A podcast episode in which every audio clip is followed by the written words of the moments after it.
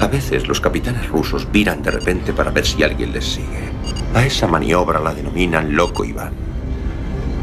Lo único que puedes hacer es parar en seco tu nave y esperar los acontecimientos.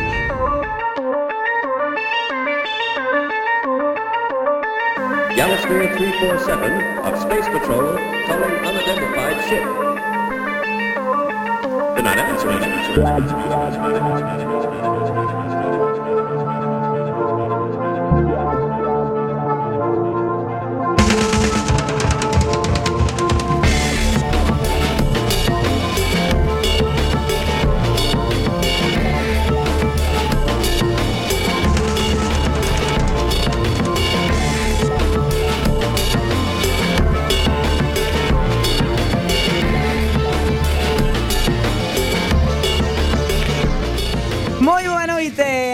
todos e eh, a todas. Prepárense para pasar unha noite mutante dentro do submarino máis intrépido de toda a Unión Soviética. O único submarino que navega polas augas do río Monelos que ven sendo como un escape de Chernóbil e Fukushima xuntas e que provocan mutacións na flora e na fauna que aínda quedan na Ribeira. Precisamente hoxe imos falar de modificacións xenéticas, de biotecnoloxía, de deformidades de formentas, o que ven sendo o biopunk de toda a vida. Pero tranquilas, que aínda que falemos de deformidades Non imos falar de asociacións de abogados cristians nin universidades ponzoñentas. Falaremos da maravillosa xenética, os xenes que definen o que somos e das modificacións que podemos facer para ser mellores ou peores. Teremos novas, música, relato e entrevistaremos ao noso glorioso e querido Xosé Duncan que repite neste submarino contra todo pronóstico. Música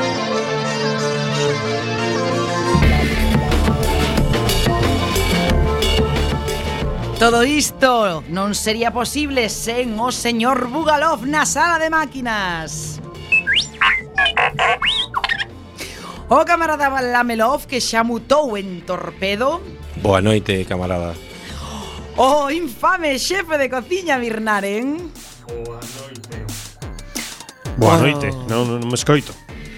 O sempre mutante, camarada Esmendrellev. Boa noite a todos e todas.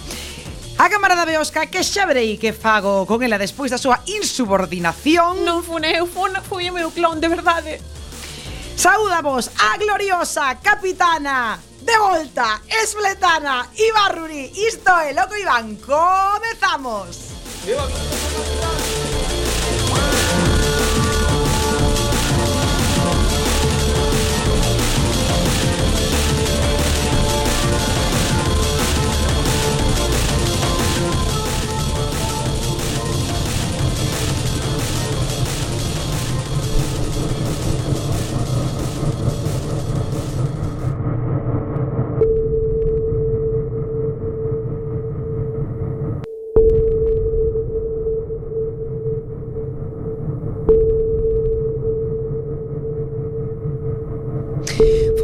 unha semana repleta de noticias na que recordamos especialmente a He-Man, a Shira, a Skeletor, a todas esas persoas, esos eh, personaxes fabulosos dos Masters do universo. Pero hai máis novas, máis novas que pasaron desapercibidas, incluso por xornais de referencia, xa o saben, temos aí al Ideal Gallego, a El Mariñán de Sada, todos esos xornais eh, que son eh, unha referencia para nós, pero os que se lles escaparon estas importantes novidades que repasamos arriba Periscopio.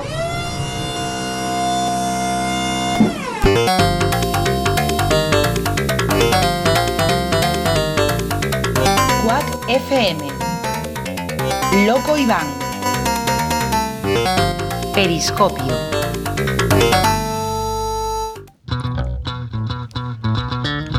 Banner Saga 3 o 24 de xullo. A saga vikinga de videoxogos de rol está resultando mellor do que parecía cando conseguiron financiarse mediante crowdfunding. Mesturan unha gran estética como se foran debuxos feitos a man cunha gran historia e tamén combates tácticos que son todo un desafío. Poucas novidades terá máis aló de algunhas melloras, pero nun xogo onde a historia é tan importante, todo o demais é secundario. Paga pena xogalo polo menos os que saíron ata agora. Por momentos esqueces que estás xogando un videoxogo, a verdade. Sairán GOG, Steam, o 24 de xullo deste ano por 25 denarios. Disco Elysium amosa a árbore de habilidades psíquicas. Disco Elysium é un videoxogo que mestura RPG isométrico a serie de, eh, serie de TV de policías nun escenario de fantasía urbana. Mola, non? Sí. Fas de detective en Revacol West unha cidade costeira onde a corrupción está fora de control, os asasinatos non se resolven e a policía apenas pode controlar a situación. O xogo permite crear unha personaxe utilizando 24 conxuntos diferentes de habilidades, a pensei que iba a ser de vestidos, que se ramifican para poder xogar como un madeiro rompebocas ata un astuto mestre da psique humana. E precisamente acaban de amosar as ramas de habilidades psíquicas que terán unha grande presencia no xogo que ten moi boa pinta. Escuro, sinistro, de investigación, con misterios misteriosos e moita creatividade. Antes chamábase No Trust with the Forest, pero cambiaron o nome a Disco Elysium, supoño que por ser menos raruno. Seguirá este ano, aínda que non sabemos a data exacta. A novela e o cómic F4A2 terá serie na cadea AMC. Repita. F4A2. Eh, mm, vamos a ver como me explico. A cadea deu luz verde a realización dunha serie televisiva de 10 episodios baseada na novela e o cómic de Joe Hill. Charlie Manx é un vampiro riquiño que se alimenta das almas dos nenos aos que secuestra e escraviza, sempre a volante do seu coche, o cal ten de matrícula nos 482. Que se lee como Nosferatu ou Nosferatu, como queríades chamarse, dando título á obra. Ahora entendimos. En fin, leva a rapazada a un tétrico e misterioso pobo chamado Terra de Nadal, onde quedan retidos pola lei mordaza. Como aquí. Un dos guionistas eh, de Fair the Walking Dead, eh, Jamie O'Brien, é o encargado de adaptar a obra a televisión, asudado polo mesmo Joe Hill. Estímanse que os 10 episodios chegarán en algún momento de 2019. Lenin mediante.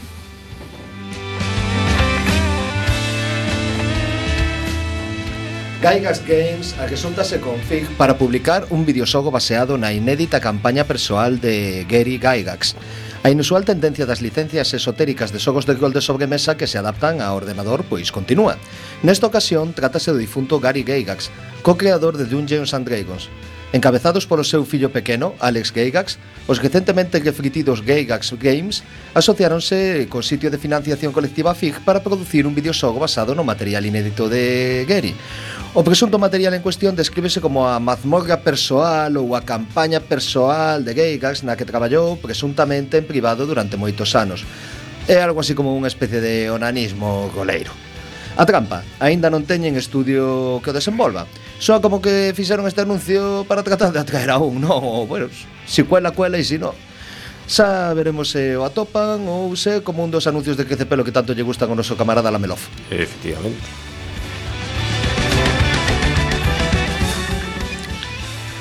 Volta a Lost in Space. O pasado 6 de marzo foi o 55 aniversario da mítica serie emitida entre 1965 e 1968 e foi a data lexida por Netflix para lanzar o tráiler da nova serie, que foi estreada o venres pasado. A nova entrega seguirá as pautas básicas da bella coa familia Robinson perdida no espazo, traballando xuntos para sobrevivir. Pero trátase dun reinicio que non busca atraer a un público bello e nostálxico, senón contar a historia dun xeito actual, Ademais, dis que non é tan pasteloso como anterior, o cal é de agradecer. Los in Space está baseada na novela de 1812 de Johann David Wyss, A familia Robinson Suiza, onde a familia naufraga nas Indias Orientais de Camiña a Australia. 200 anos despois, seguen perdidiños de todo, pero seguen aí, e polo que di o noso xefe de máquinas Bugalov, a se le deixase ver.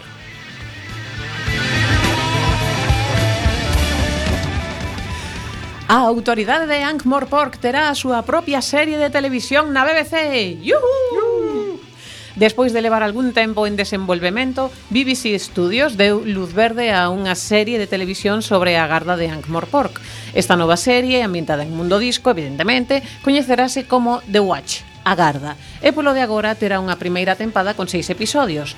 Rihanna Pratchett, filla de Terry Pratchett e guionista de videoxogos, traballará na serie como produtora, mentres que Simon Allen fará o como protagonista.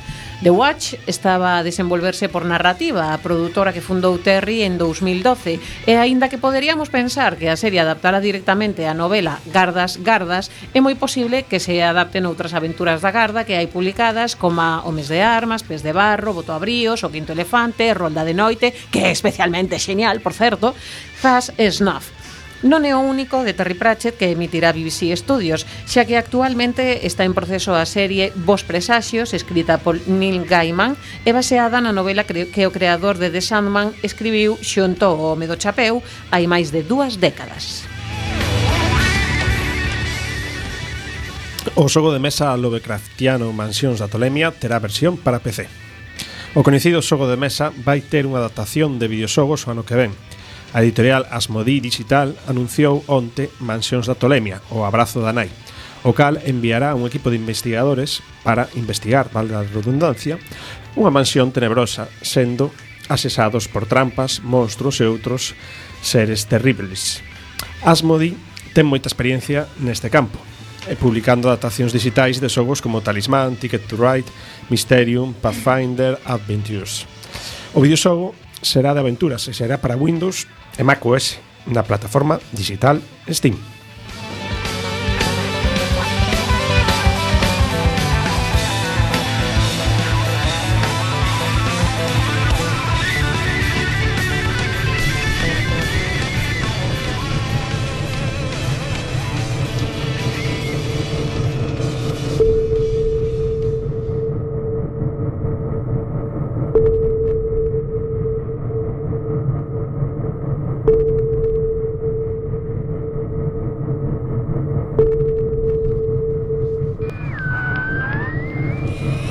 este sonido tan agradable eh, Sos escoita cando nos achegamos a nosa sala de radio e cando o señor Bugalov nos di que canción nos vai poñer esta noite. Pois como hoxe o tema vai de mm, de biopunk, o de deformidades, como queras velo. Claro, pero bueno, músicos con, con deformidades hai, pero tampouco é cuestión de, de afondar na ferida, xa son músicos. Bueno. Pero bueno. deformidades de nacemento, non, non vale. Bueno, pero traio un, un experimento, a cambio traio un experimento xenético. Claro, eh, falete. Claro, unha persoa que ten a mitade do seu código xenético o herdado dun músico de rúa de bluegrass, un señor que toca country pola, pola rúa e eh, por outro lado o, dunha... Esos distinguese nos senes? Si, si, si, saen con guitarra os senes. E, e logo o, unha señora que é eh, artista visual da factoría artística nada menos que de Andy Warhol sea, non é, é un, unha cousa bastante improbable. Se logo, ademais, resulta que o fulano en cuestión é unha auténtica licuadora a sonora que mestura cousas bastante improbables, que ten un disco que se chama Mutations. Bueno. Claro, o sea, mutacións e que escribe letras así como a da canción que traxe hoxe, no que fala dunha rapaza que ten os ollos color rosa e que pode dormir nun pantano de lumes en que lle pase nada e que sobrevive ela soiña a unha nova contaminación. Bueno, pois, a capitana podería facelo, eh? Pois o individuo parece que máis biopunk non pode ser eh, este señor chamase Beck Hansen. Se lle coñece, se lle coñece así polo xeral polo nome de pila que non é o seu que el se chama en realidade de outro xeito pero bueno, cola igual. Mm, ben sendo Beck de toda a vida. Había outro que era Nick pero que si eh, era eh, eh, o irmá malo. Non, hai un experimento que saiu claro. ben e o que saiu mal non? pero o que saiu mal era Nick. eh, o que saiu guai foi Beck, seguro que ademais a camarada Peosca a cancionciña vai soar. Música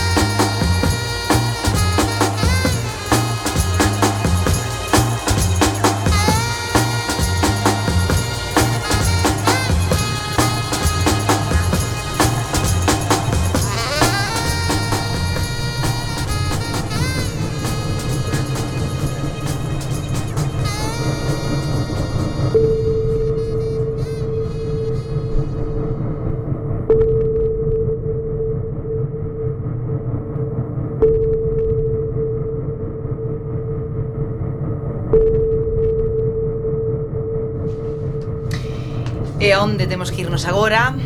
Pois a nosa biblioteca.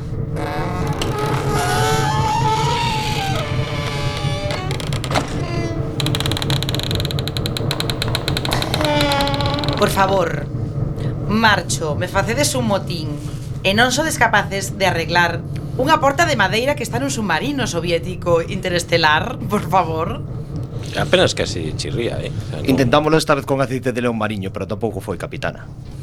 Bueno, Eu casi non noto o chirrío. Ti por decir esa parida eh, Escolle un libro na biblioteca O azar, por favor, que o ver, azar espera. fale de biopunk Tapo os ollos collo, collo aquí o azar E que temos, deixademe ver É un libro cunha portada super fermosa Tapa dura Non ten pinta de ser barato, eh ha sido la interpretación más ruin que he visto en dos temporadas. Pero bueno, eh, eh, podes dicirnos de que va ese suposto libro que tes na man? Ese suposto libro eh, Transcrepuscular, de Emilio Bueso. Emilio Bueso é un capaz que agora mesmo pois é dos máis coñecidos dentro da ficción especulativa, non, da ciencia ficción aquí no, no país. É un tipo que de formación é enxeñeiro, de bueno, de, de formación e de profesión traballa traballa tamén deso, non, aparte de ser escritor. E bueno, bueno, pois eh, fíxose famoso, eh, empezou a ser coñecido cunha novela distópica chamada Cenital, publicada no 2012. Non confundir.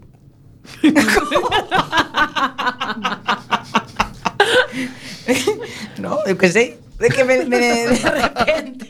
Que, que extraña asociación de ideas, tiveches aí, capitán.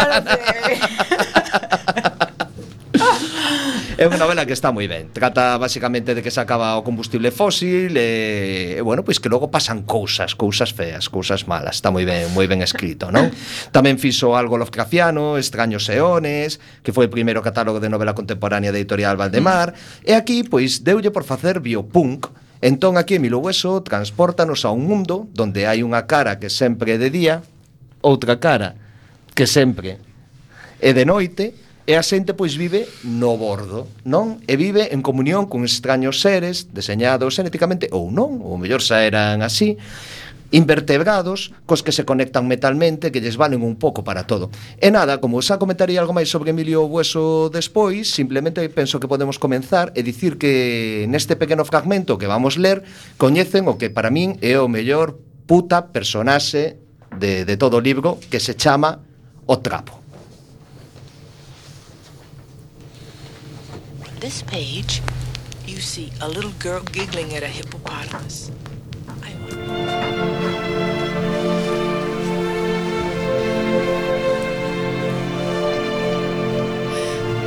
Entonces el viejo, cara llena de arrugas, piel tostada, sangre de las tribus nómadas del desierto, se sentó a mi lado y se sacó de entre la ropa una marioneta, un muñeco de trapo toscamente tos- cosido sobre un guante, con dos botones rojos por ojos, un pedazo de lienzo de helecho a modo de mueca, de sonrisa invertida, y unas manitas de tela de saco que actuaban movidas por el pulgar y el meñique.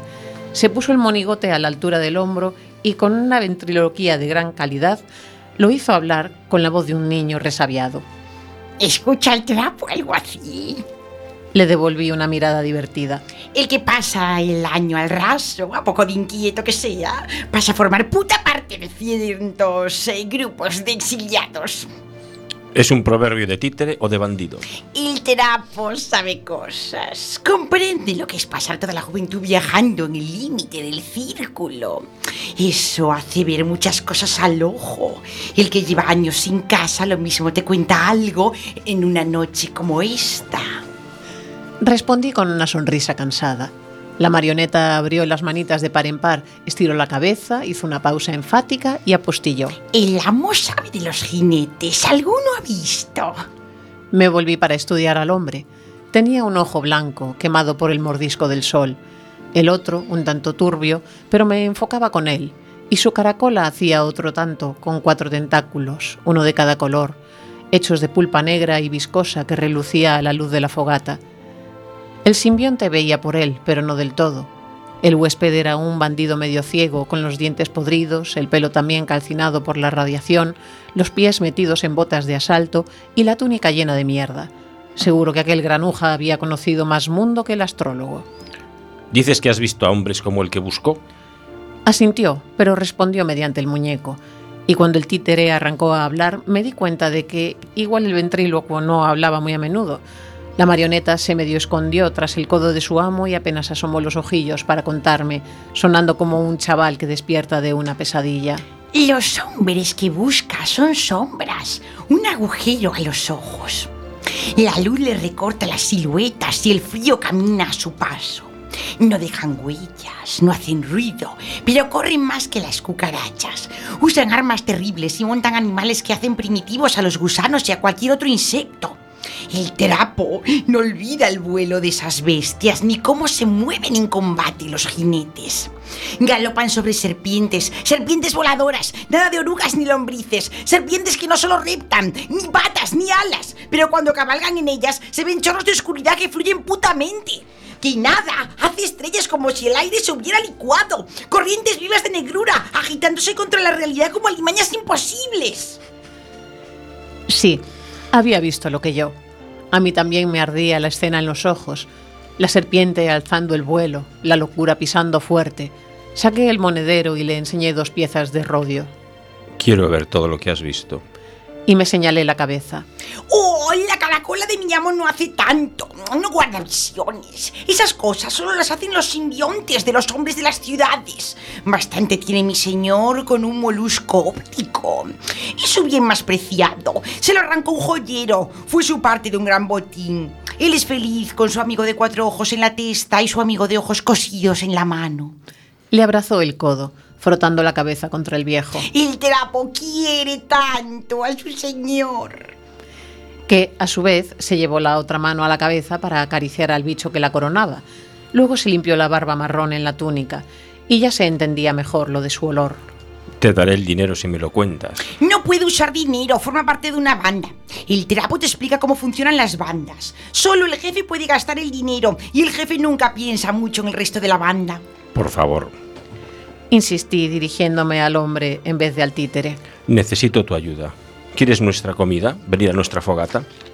La marioneta dio un salto y se posó sobre mi hombro para hablarme al oído. Fue espeluznante.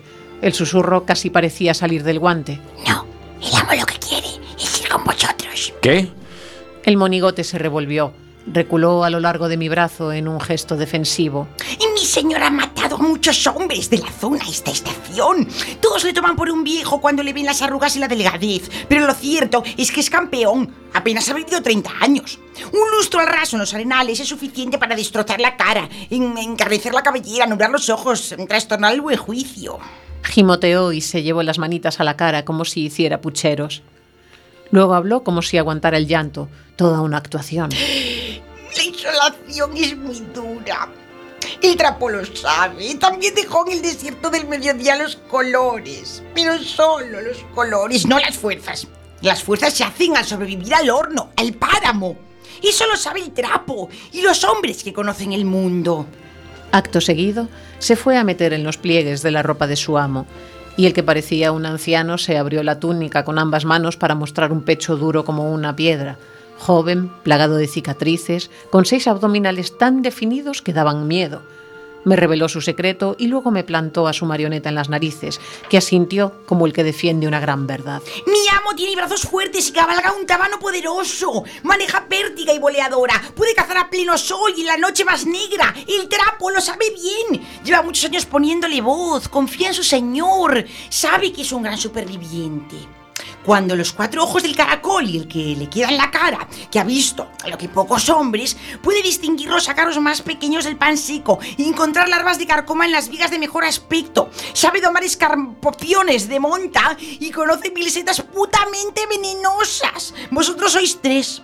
Solo pide una cuarta parte del botín. No somos bandidos. ¡Hoy nadie es un bandido! dijo el títere tratando de retener una risita al tiempo que le rascaban la sien el ventrílocuo, y luego le ponía una greña encanecida tras la arrugadísima oreja. La marioneta se posó suavemente junto al fuego y volvió la cabeza para mirarme con los botones carmesí que tenía por ojos. Escucha mi sabiduría de trapito. El mundo es sencillo, solo tiene la gente que vive en las ciudades y la gente que aguarda y aguanta fuera. Por eso a los sabios como vuestro astrólogo los expulsan de las facultades los años sabáticos. Y por eso a los sacerdotes los mandan a abandonar los templos y salir a predicar por el mundo. Porque todo en la vida se reduce a conocer y padecer lo que hay dentro y fuera de la civilización. El trapo comprende bien. Los seres de carne no. Pero mi grupo y yo no aspiramos a vivir al raso. Pretendemos recuperar la reliquia y capturar al ladrón para llevarlo ante la justicia y volver a nuestras vidas. Entonces podréis ocuparos de darle una a mi señor. Una vida. Me pedía una vida. Suspiré.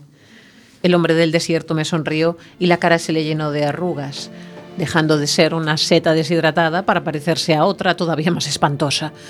A ver qué comunidad iba a acoger a un hombre como aquel. En la aldea en la que nací se desterraba a los niños más feos. Me iba a costar poner a aquel tipo a barrer en el patio del ayuntamiento. Pero si la regidora me apoyaba, y vaya si lo haría. Trapo, ¿qué puedes contarme? Lo quiero todo. Quiero un plan. El trapo caminó dando saltitos por el suelo de la gruta, como el que camina en círculos mientras elabora una idea. Luego, despacio y midiendo las palabras, me dijo, amo sabe cómo llegar hasta los hombres que buscas. Conoce un lugar, os llevará hasta allí y hasta donde haya que ir para recuperar la reliquia. y aquel granuja y yo nos dimos la mano y me encontré de repente estrujando a la marioneta como si fuera con ella con quien hubiera pactado. Entonces el hombre tras el muñeco se me aproximó para que pudiéramos mirarnos a los ojos, pese a que sostenerle la mirada dolía. Nuestros simbiontes se entrelazaron las antenas, pronunciamos un juramento, Yo recité una de las promesas de camaradería que empleábamos los soldados al, hermanarnos y el trato, el trapo hizo honores a nuestro acuerdo en su idioma y en su voz más solemne, rascada y profunda. Después dejó caer manitas y cabeza y tradujo protocolariamente su parte del trato. Aceptaremos las decisiones de vuestro jefe. Y le dejaremos tomar las riendas de nuestro destino hasta que la búsqueda termine y podamos repartir sus frutos, seas, sean cuales sean. Participaremos en todos los riesgos con lealtad y buen juicio. Os brindaremos la sabiduría del terapo y los ojos del desierto. Nunca os traicionaremos. Si os abandonamos en algún momento, nos llevaremos solo aquello que trajimos con nosotros. Fue la primera ocasión en la que escuchaba pronunciar los votos a los bandidos. Pura locura. De pronto me encontraba tomándole juramento a la marioneta de un paria como los que tantas veces había mandado decapitar. Tenía razón el trapo. Ya éramos un grupo de salteadores de los páramos.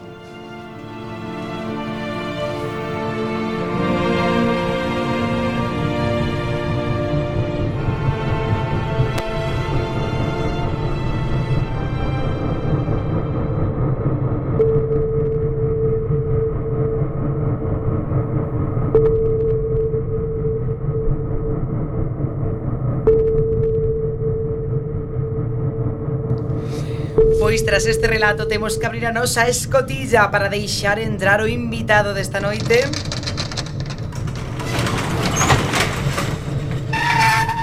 Non é un escritor maldito, Ni moito menos, pero quizáis sí que escriba libros e relatos un tanto malditos, un tanto arrepiantes, un tanto máxicos, sobre todo moi interesantes. Trátase do noso queridísimo e glorioso Xosé Duncan, moi boas noites, que repite por segunda vez no submarino, non todo mundo entra dúas veces neste submarino. ni, nin sairán, supoño, tampouco, non? Non sair non sae ningún, ninguén. Boa noite, que tal? Moi ben, Xosé Duncan, dende que non nos vemos aquí neste submarino. Eh, Ven de publicar vostede un novo libro A súa última peza, As lembranzas perdidas mm, no lago Antelbari eh, Cun editorial como Galaxia O sea que xa está vostede eh, así como en primeira división.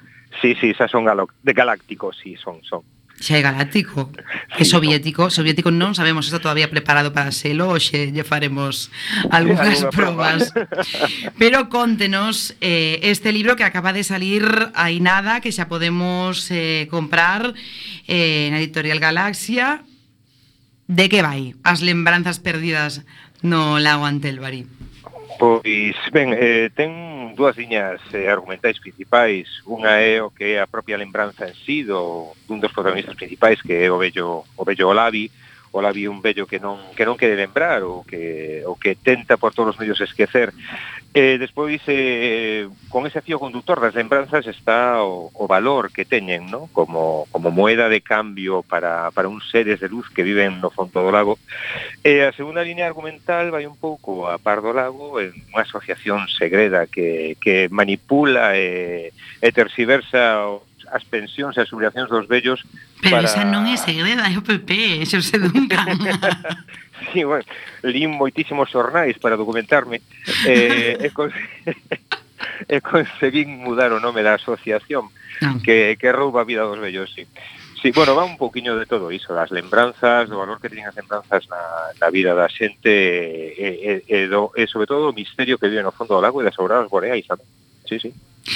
Eh, Duncan, eh, cando antes eh, falábamos un pouco para preparar esta, mm, esta baixada ao submarino, para ver se estabas preparado para que te abriramos a escotilla, eh, nos contabas un pouco, bueno, pois pois eh, todo este, este esta obra que realmente parece que dan ganas de, de lela solo con, con escoitarte e que aparte nos recorda a, a, a, a o sea, unha obra totalmente nova pero que nos recorda ou nos trae eh, imaxes ou reminiscencias de, de, de moitas máis eh, novelas, de moitas máis series, de moitas máis obras enclavadas casi no, no imaginario de, de, de, de todos los, de todas as frikis ¿no? do, do mundo.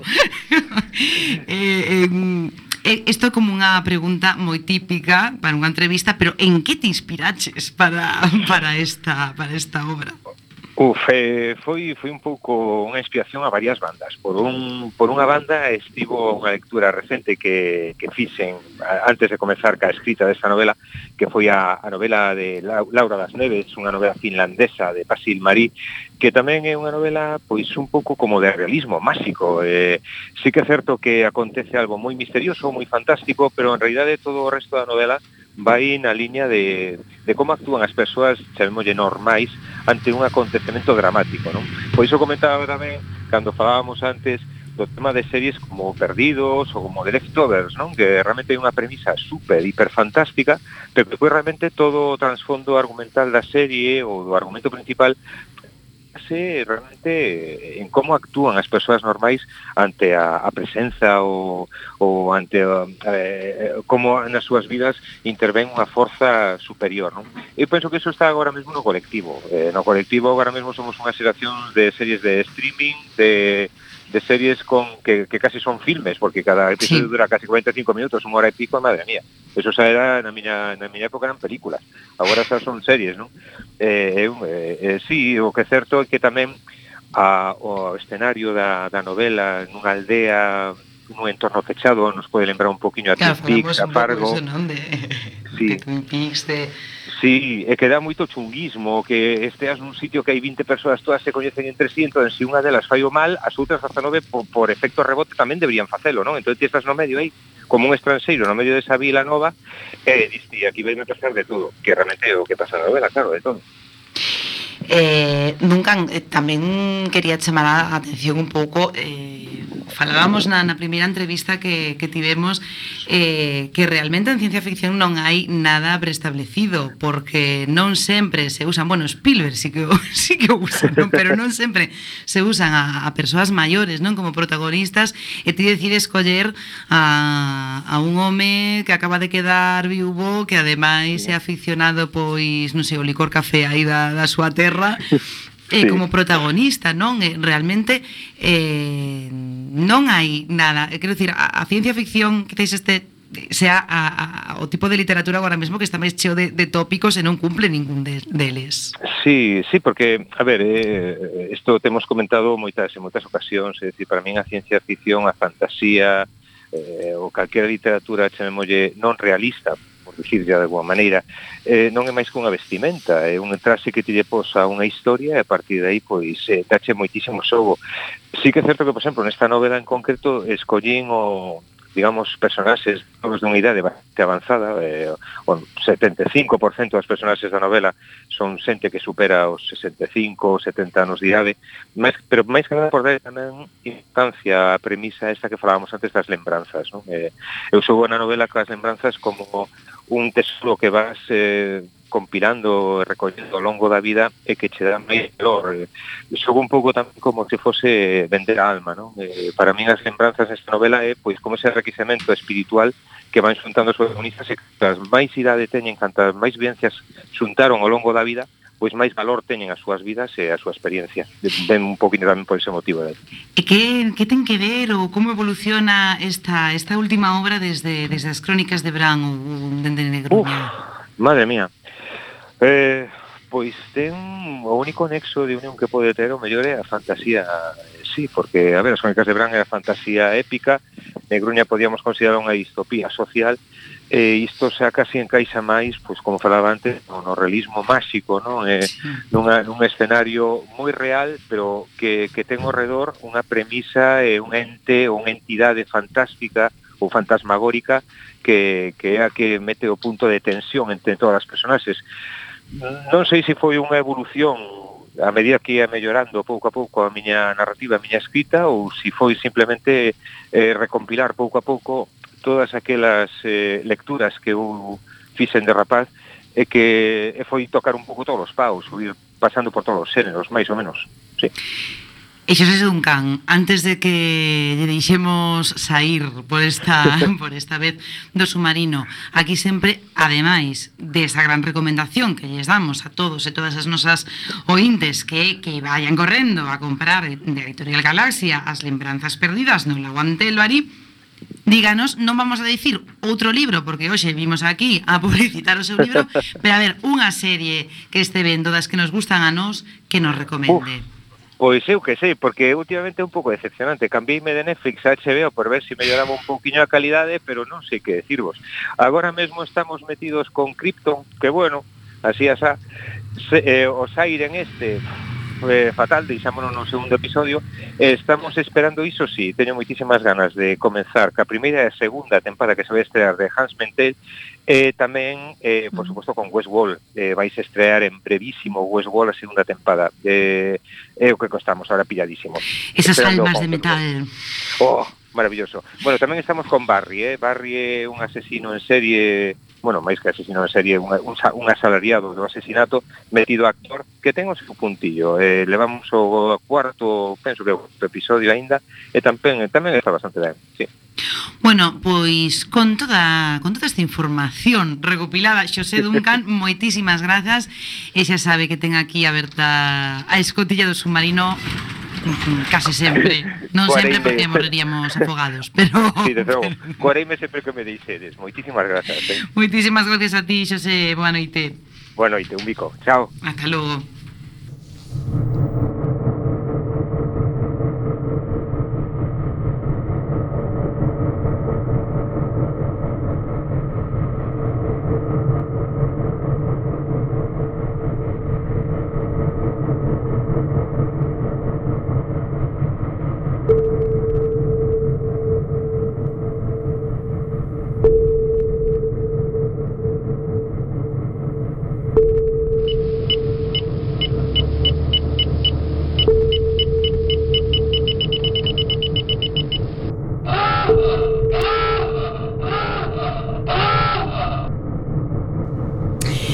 Bueno, nos vamos coa inmersión a profundizar máis eh, no aspecto desta noite que o biopunk.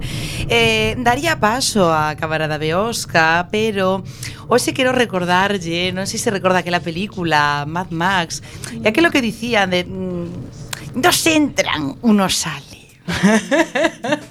Algo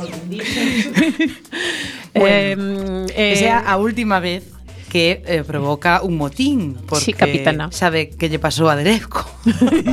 sí, desapareceu e ninguén sabe máis dela. Efectivamente, Dereco, un beso. Só foi unha broma, a verdade. Esteas. Bueno, Beosca, que nos conta sobre o biopunk? Pois imos empezar cun corte da peliculiña da que vou falar. Esta es la última ciudad que queda en la Tierra. Unos la llaman la sociedad perfecta pero otros saben algo más. El gobierno lo controla todo. La gente desaparece como si nunca hubieran existido. Pero hay rebeldes que creen en la libertad y luchan en nombre de los desaparecidos. Yo soy uno de ellos. Pois trátase de Ion Flax, é unha película de 1995 ambientada nun mundo posapocalíptico no que un virus elimina o 99% da poboación. Séculos despois, a sociedade reorganizouse nunha gran cidade, Bregna, rexida por unha oligarquía de científicos con Trevor Goodchild ao frente. Todavía hai moitos problemas para enxendrar derivados da apocalipse, esta oligarquía estuda a enfermidade, pero nesta sociedade, como escoitamos no corte, a sociedade eh, a poboación ten constante antes pesadelos, desapareces en volver saber eh, delos moita xente, é eh, unha resistencia organizada pois que, que quere afondar contra isto e que dinamita o poder. Eh, Ion Flax Aprota é un membro da Resistencia, experta en armas e acrobacias e mantén unha relación amor-odio con Trevor Goodchild. Eh, que ten de biopunk esta película? Pois eh, algunhas das personaxes, por exemplo, teñen certas particularidades pequeniñas nos seus corpos, como por exemplo ter mans en lugar de pés, ou podemos atopar pois erva que é normal ata que te achegas e te metes onde non debes e ponse totalmente mortalmente puntiaguda, cousas así moi chulas. Ademais, a medida que avanza avanza a película veremos que a manipulación xenética xoga un papel fundamental nesta sociedade, pero non vou dar máis datos que os spoilers en Quack son os martes a noite e non agora mesmo. A película está baseada nunha serie de animación de culto estreada na MTV en 1991, dirixida polo coreano Peter Chang, cunha Ion Flax hedonista, violenta, sexual, moralmente ambigua e amiga do humor negro que pouco tiña que ver coa da peli, encantadora, bondadosa, bueno, do tipo de bondade que pode rincarse a cabeza, pero que fai por ben. Entón, eh, os fans das curtas de animación non perdoaron as múltiples desviacións con respecto á historia orixinal desta película. Peter Chang, de feito, inicialmente era optimista co proxecto, hai que dicir que el nin pinchaba nin cortaba nel, pero sí que chegou a facer un papeliño, e gustaba a idea, pero acabou calificando de farsa. En xeral, as críticas non son boas, pero persoalmente debo dicir que eu cando a vin non sabía nada nin de críticas, nin da historia orixinal, e Non é un peliculón, pero é entretida, con efectos vos, decorados impresionantes, e actores e actrices creíbles. E ademais a prota é Charlize Theron, que é o máis parecido a unha deusa na Terra despois da Capitana. Así que, que máis Ahora, da? ahora, ahora venimos con esas. Pero, pero bueno. Birnarem. Presente. Que sí. ten que comentar? Mm, pois aquí un par de cousiñas. en, A primeira eh, chamase Resident Evil Que que é un coñecido xogo eh, da todavía máis coñecida eh, pois mira, mira como empeza esta é a banda sonora da película que se fixo despois eh, bueno, creado por Capcom eh, que vendeu ata 61 millóns de copias todas as súas versións Resident Evil 1, 2, 3, 4 bueno, en fin eh, un xogo moi coñecido que trata dunha corporación maléfica chamada Umbrella Está que, en Sabón? Están sapón, efectivamente. Por eso maléfica. Eh, y bueno, todo xira en torno a unha ameaza biolóxica que mm, provoca conversións eh, diversas eh, nos seres humanos e incluso en outro, outro tipo de seres vivos pois que, que se ven afectados, non? Eh, bueno, eh, dado o éxito do xogo, eh, pois unha empresa alemana eh, decidiu facer películas sobre isto. E o interesante de, deste asunto é que a prota é Mila jo Jovovich, eh, que interpreta a personaxe principal que se chama Liz e que tamén sufre pois certas eh, mutacións que lle fan pois ter unha capacidade sobrehumana de cargarse a bichos malos que que a rodean, non? É basicamente unha é unha peli de acción eh, que, bueno, que, que a maior parte do tempo pois está Mila cargándose un montón de bichos. É entretida, pero tampouco moito máis alo de, de todo iso. Pero, a pesar diso, chegaron a seis películas, a última do ano 2017, que probablemente, ou esperamos que sexa a última, porque o título é Resident Evil capítulo final. Entendo que final é, é final. E pasamos a unha segunda cousa.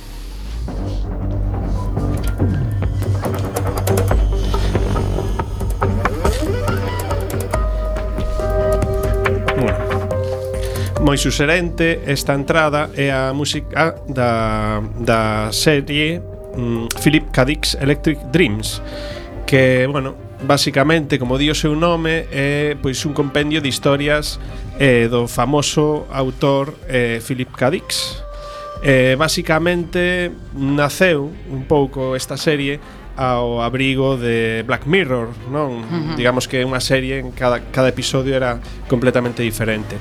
Este esta serie está bastante ben, É certo que é bastante irregular, é dicir que hai algúns episodios que, que están moi chulos e outros que un pouco máis frouxiños. Eu tamén o penso de Black Mirror, eh? que hai xente que é super fan de Black Mirror e eu hai algunha, algunhas... Uh -huh Sí, comparto, comparto tamén. Ao tratar temas diferentes, pois... Como non vai compartir?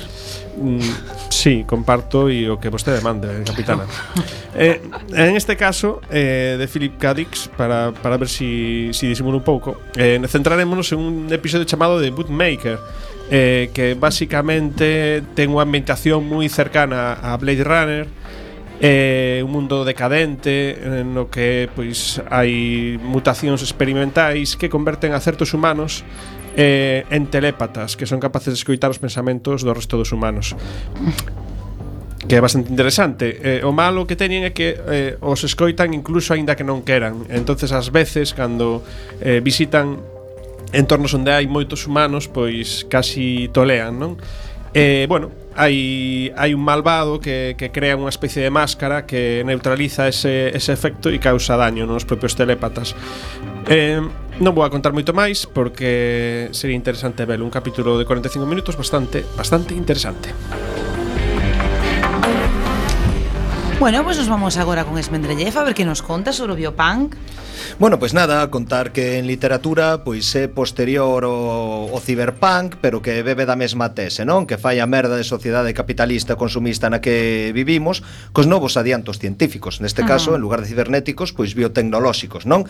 Hai mogollón de cine alrededor desto, por exemplo, a mosca, que é mítica para os que temos certa idade, non? Ou Blade Runner, que tamén poderíamos falar da novela, pero prefiro falar de dun de un par de autores moi rapidamente, Home, non? claro, porque usted iba Primero, a falar de algo que, que, que que, que todo a todo mundo, no.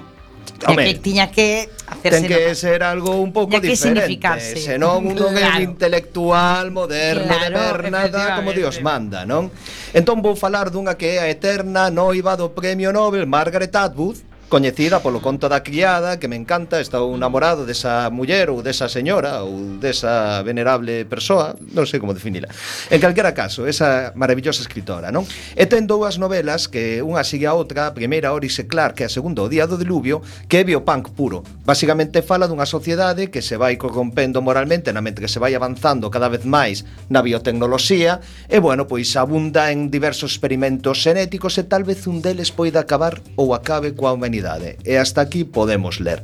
De certo moi recomendable, eu penso que val que val a pena, non? Pero sobre todo quería recordar a un escritor relativamente coñecido no mundillo da cifi, pero que fora non o conoce en Cristo, Paolo Bacigalupi, sonabos de algo? Hombre! Tes, xa o sabía eu. Bueno, pois, Paolo Bacigalupi é un capaz que... E Terence Hill hacían películas. Inda que ten nome de italiano, pois é capaz estadounidense. E escribe moita distopía, non? Pasalle como a Atwood. E concretamente ten unha novela que é Wind Up Girl, que traducido ao español traducirse como a moza mecánica. Mm. A verdad que wind-up é un término en inglés que pode significar moitas cousas, non? Desde o término acorda, que a traducción sería a capaza corda, ou o que ten que vir, a capaza que ten que vir, algo así. E bueno, pois fala dunha Tailandia donde as grandes empresas fabricaron eh, virus que espallaron por todo o mundo destruindo toda a natureza e todas as colleitas, entón ti tes que mercar sementes as corporacións se queres sobrevivir. O único país que se libra deso é Tailandia, que consigue loitar contra estas amenazas xenéticas que os homes caloría, como son chamadas estas Ajá. grandes corporacións, tratan de usar para, para conquistar o mundo. A protagonista é unha rapaza que está fabricada, ou como lle chaman os tailandés, un hechi-kechi, un, un replicante, un ah. replicante sexual. E, eh, bueno, historia vai do que pasa con esta rapaza neste mundo discópito, distópico, perdón, que está tamén moi interesante. E nada, só unha vez máis que comentar a transcripus, eh, transcripuscular de Emilio Bueso que leímos antes o fragmento e recordar que este rapaz ven de sacar a segunda parte que se chama eh, Idesme matar, foiseme da cabeza. Que non me tan curioso. Antisolar, antisolar, a segunda parte da novela. Que era de. Emilio Bueso, moi recomendable. Pois, eh, despois desto, acabamos co camarada Lamelov. Pois sí, a ver, eu, eh, o biopunk a verdade é que o deu moitísimas obras, como xa mencionou aquí o camarada Moledieno, eh, Smendrellev, eh, pero, bueno, por exemplo... Non, non se pode decir o nome secreto de Smendrellev. Bueno, era unha reinterpretación do nome... unha reinterpretación disco, disco, eh, logo, o día que se entera xente... o día que se entera xente de que realmente son obispo de Mondoñedo, entón que? Cala, camarada, non te das pistas. Bueno, pois eh, tamén eh, o, bioso, o, o digamos o, o biopan de videoxogos como por exemplo System Show 2, de que xa falei moito por aquí, o Como cal, porque non non o recordo. Sí, o, o BioShock tamén e outros menos coñecidos como Evolva, Dark Angel, eh, bueno, e algún é un outro, pero xa sabedes que tamén falo de cousas que non lle interesan a ninguén. Solían decir que un niño concebido por amor tenía una mayor probabilidad de ser feliz. Ahora ya nadie lo dice. Diez dedos en las manos y diez en los pies, eso era lo único que importaba antes. Ya no. Ahora, a los pocos segundos de vida, ya se podía saber el tiempo exacto y la causa de mi muerte. Bien bonita esta película, eh? Pois si, sí, cando se fala de biopunk, de biopunk, hai que falar de ADN, hai que falar de gata, que o título desta película refirese ás iniciais das proteínas que forman o ADN, etimina, guanina, citosina e adenina, o cal indica por onde pode ir a historia desta gran película, non? E hai numerosas referencias ao ADN, por exemplo, como a escalera de caracol, uh -huh. que sabe moitas veces, que este representa a coñecida espiral, Bueno, foi dirixida no ano 1997 polo neozelandés Andrew Nichol, quen ademais é guionista da, da mesma, que, bueno, o sea, que escribe a historia.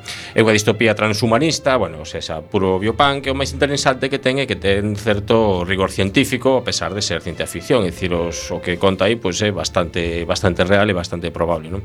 Basease na posibilidade de elección xenética da, con, da descendencia, para que teñan mellores oportunidades no futuro de conseguir pois pues, tamén mellores traballos ou de ter menos enfermidades. Por exemplo, os Borbóns poderían, eh, poderían eh, sería moi necesario. Claro. Lástima que non atoparan estas vantaxes, pero bueno, que se vai facer, non? Os adiantos en enxeñería xenética tamén poderían valer para eles, incluso para eles, non? Bueno, para evitar eh, Claro, que pasa que isto tamén, bueno, ten certas condicións pois morais, non digo los Borbóns que creo que non teñen moral, senón eh, digamos eh, a película, non? Eh, conta a historia pois dun neno que nace de forma natural e debe loitar para competir. Perdone, está, están llamando a la, a la, a la puerta de submarino, perdón. Misil, que non, misil. Que non pase ninguén, que non pase ninguén, non abras. Eh, lanza un misil nucelar. No digas, no, no, lanza besos, besos, Flores. abrazos. Flores. Un respecto a divina estirpe do enfeitizado. Pobre! Bueno, pues resulta que ese o neno que nace pois, pues, nunha familia tamén que, se, que con selección xenética Resulta que o, o irmán maior é o favorito El, pois, bueno, pois sientes un pouco desplazado Pero un día traballando a limpeza dunha academia privada de Mata formación, a súa hermano de un disparo? Non tanto, non tanto Eso, eh, bueno, máis de, intencionadamente Non, eh, digamos que facendo a limpeza dunha academia de, de formación de astronautas Inscríbese para formar astronautas e viaxar ao espacio E cun elaborado esquema de frase fraudes, enganos, pois esquiva todos esos os controis para que, bueno, o sistema pode ser eh, descartar a xente pois eh, mediocre.